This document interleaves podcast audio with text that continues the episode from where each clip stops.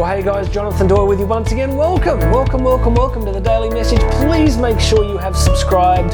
Come on, do it. You know you want to. Hit that big subscribe button. It, uh, it does help. Helps the channel to grow, helps the algorithms to do their thing, and make sure that more people are hearing this encouragement. Why does it matter? Because the world's a pretty challenging place right now, don't you think? There's so much division, conflict, just. I think the more light and positivity and encouragement we can put out there, the better. So I'm trying to play my small part. Hit that subscribe button, grab yourself a free copy of my book, Bridging the Gap. There'll be a link here. And if you like what you're hearing, um, there's some other links there for speaking and coaching stuff with me. Today we're going to do a quote from Benjamin Franklin. I'm a big fan of the founding fathers of the United States and founding mothers. There's some really brilliant women that we're going to reference as well. These men and women were living at a pretty high level. They were familiar with suffering and difficulty. They were deeply convicted about what they were trying to do. They had purpose. They had a lot of courage. And um, they'd experienced a lot of life. So there's a lot of wisdom there. So today we're going to jump into a quote from Benjamin Franklin where he's going to talk about how we deal with tough times. Let's do it. When you get into a tight place and everything goes against you, till it seems as though you could not hold on a minute longer, never give up then for that is just the place and time that the tide will turn. All right, this is simple but powerful, right? It usually tends to be in the moments where things are extremely difficult for us that remarkable things can happen. Part of that is because as humans, I think we tend to vastly underestimate our capacity. We tend to operate in a relatively self protective mode most of the time. So, most of the time, we're just trying to, to get through the day in a regular pattern, extending and expending a similar amount of energy as we did the day before. This is kind of the homeostasis principle, homeostasis, that we've evolved as a species to be quite self protective, to protect ourselves, to conserve energy. So often, when things are difficult, it can be hard to really press into that difficulty and endure.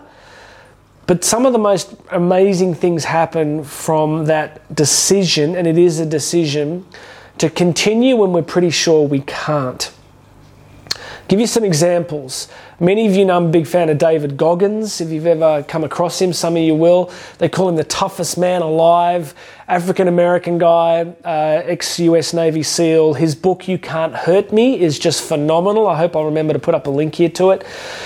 Now, he's the kind of guy that really burst on the scenes because a, a super wealthy American uh, businessman called um, uh, Jesse, what's his last name? I have to remember that, hired this guy, hired David Goggins to come and train him as his personal trainer, living in the house for months at a time. And one of the key things that Goggins taught him was the, what he calls the 40% rule which is this idea they learned in the Navy SEALs that when you think you're at the point of collapse and giving in, they teach them that you're only at 40%, that you've got all this left to go. There's something to it. I'll give you another little personal example. I do, as you know, a huge amount of training, and I'm often on the stationary bike using some pretty fancy software, racing against other people in, in real time. And so often, when you're right at the limit, like which for my age, my heart rate in a sprint will be up around one, almost at 190, which for my age is extremely high. So, you know, max heart rate's usually 220 minus your age. So my max heart rate should be um, somewhere around 170 something. And it's now, you know, in a race, I'll be doing 190.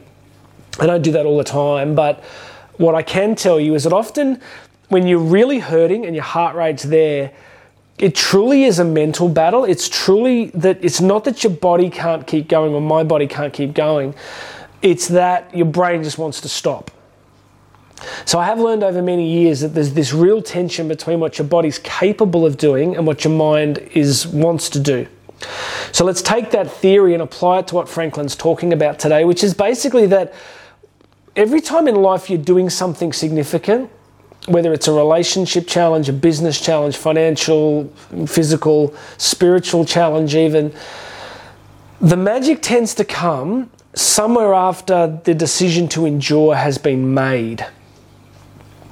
Now we need wisdom, right? Because the question becomes well, do we just endure everything? What if everything sucks? Do we just keep doing stuff that we hate all the time? No, you've got to be quite selective about it.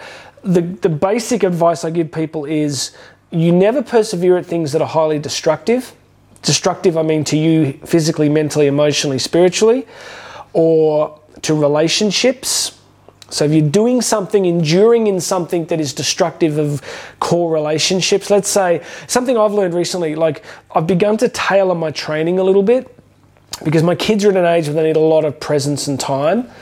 And so I'm not doing the five, six hour training sessions that I used to do as much. I'll still do them when I can and it's respectful of the family, but I'm learning that I'm tapering the endurance to match the reality of the relationships that I have. So, what this means is you just look into your life and ask yourself where you're currently being tested and where something's difficult. And ask yourself, is what I'm pursuing really worthwhile?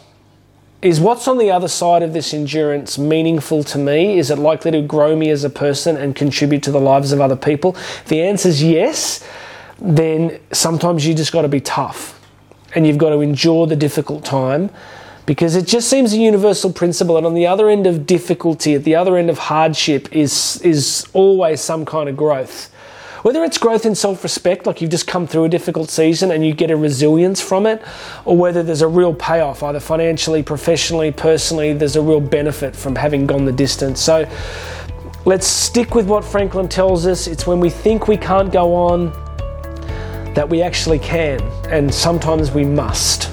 Sometimes we must, whether it's for ourselves or for others, we must persevere because the magic is truly on the other side of that moment. So be encouraged, my friends. I just want to encourage you and say if you're facing a difficult, challenging time, hang in there, persevere. I know it's a cliche, but it is often darkest before the dawn, and amazing stuff can happen on the other side of it. All right, please make sure you've subscribed, grab a free copy of the book Bridging the Gap, check out the other links to speaking and coaching. My name's Jonathan Doyle. I have another message for you tomorrow.